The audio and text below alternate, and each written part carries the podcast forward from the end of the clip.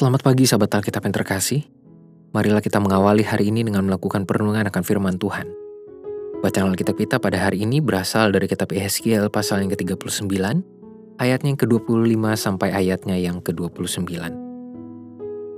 Oleh sebab itu beginilah firman Tuhan Allah. Sekarang aku akan memulihkan keadaan Yakub dan akan menyayangi seluruh kaum Israel, dan cemburuku timbul untuk mempertahankan namaku yang kudus. Mereka akan melupakan noda mereka dan segala ketidaksetiaan mereka yang dilakukannya terhadap aku. Kalau mereka sudah diam kembali di tanah mereka dengan aman tentram, dengan tidak dikejutkan oleh apa pun. Dan kalau aku sudah membawa mereka kembali dari tengah bangsa-bangsa dan mengumpulkan mereka dari tanah musuh-musuh mereka, dan pada saat aku menunjukkan kekudusanku kepada mereka di hadapan bangsa-bangsa yang banyak. Dan mereka akan mengetahui bahwa akulah Tuhan, Allah mereka yang membawa mereka ke dalam pembuangan di tengah bangsa-bangsa dan mengumpulkan mereka kembali di tanahnya. Dan aku tidak membiarkan seorang pun daripadanya tinggal di sana.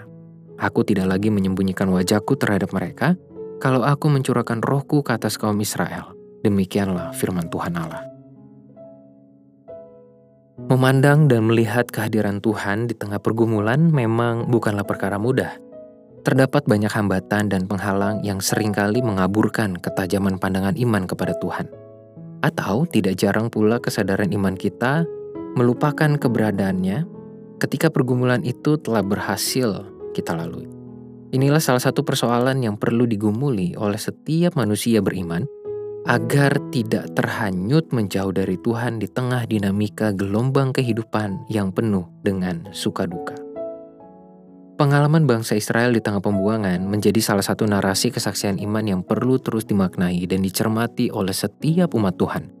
Janji pembebasan dan pemulihan yang Tuhan sampaikan melalui Nabi Yeskiel dalam perikop ini tidak memberikan kepada kita sebuah pembelajaran iman yang abstrak, melainkan sangat praktis, secara khusus untuk diingat, dimaknai, dan dilakukan pada saat menghadapi pergumulan.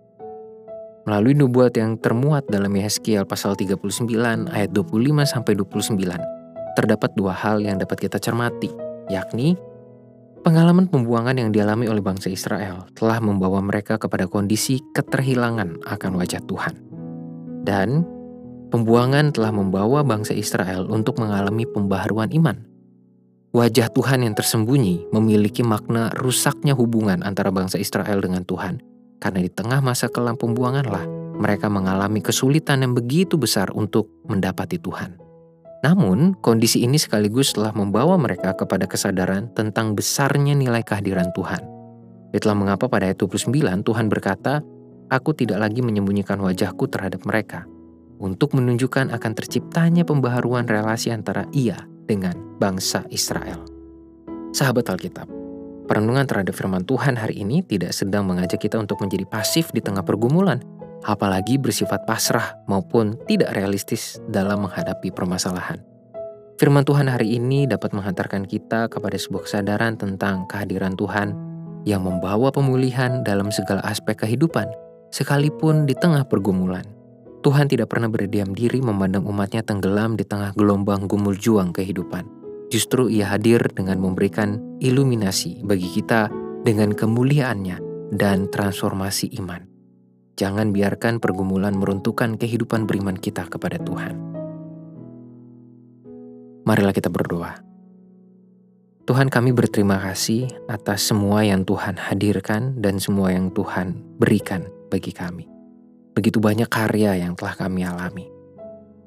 Tuhan, tolonglah kami untuk terus mengalami pertumbuhan iman, mengalami kemuliaan Tuhan, dan mengalami transformasi iman. Dan tidak berhenti sampai di situ kami juga membawa perubahan di tengah lingkungan di mana Tuhan mengutus kami. Hanya di dalam nama Tuhan Yesus kami berdoa dan memohon. Amin.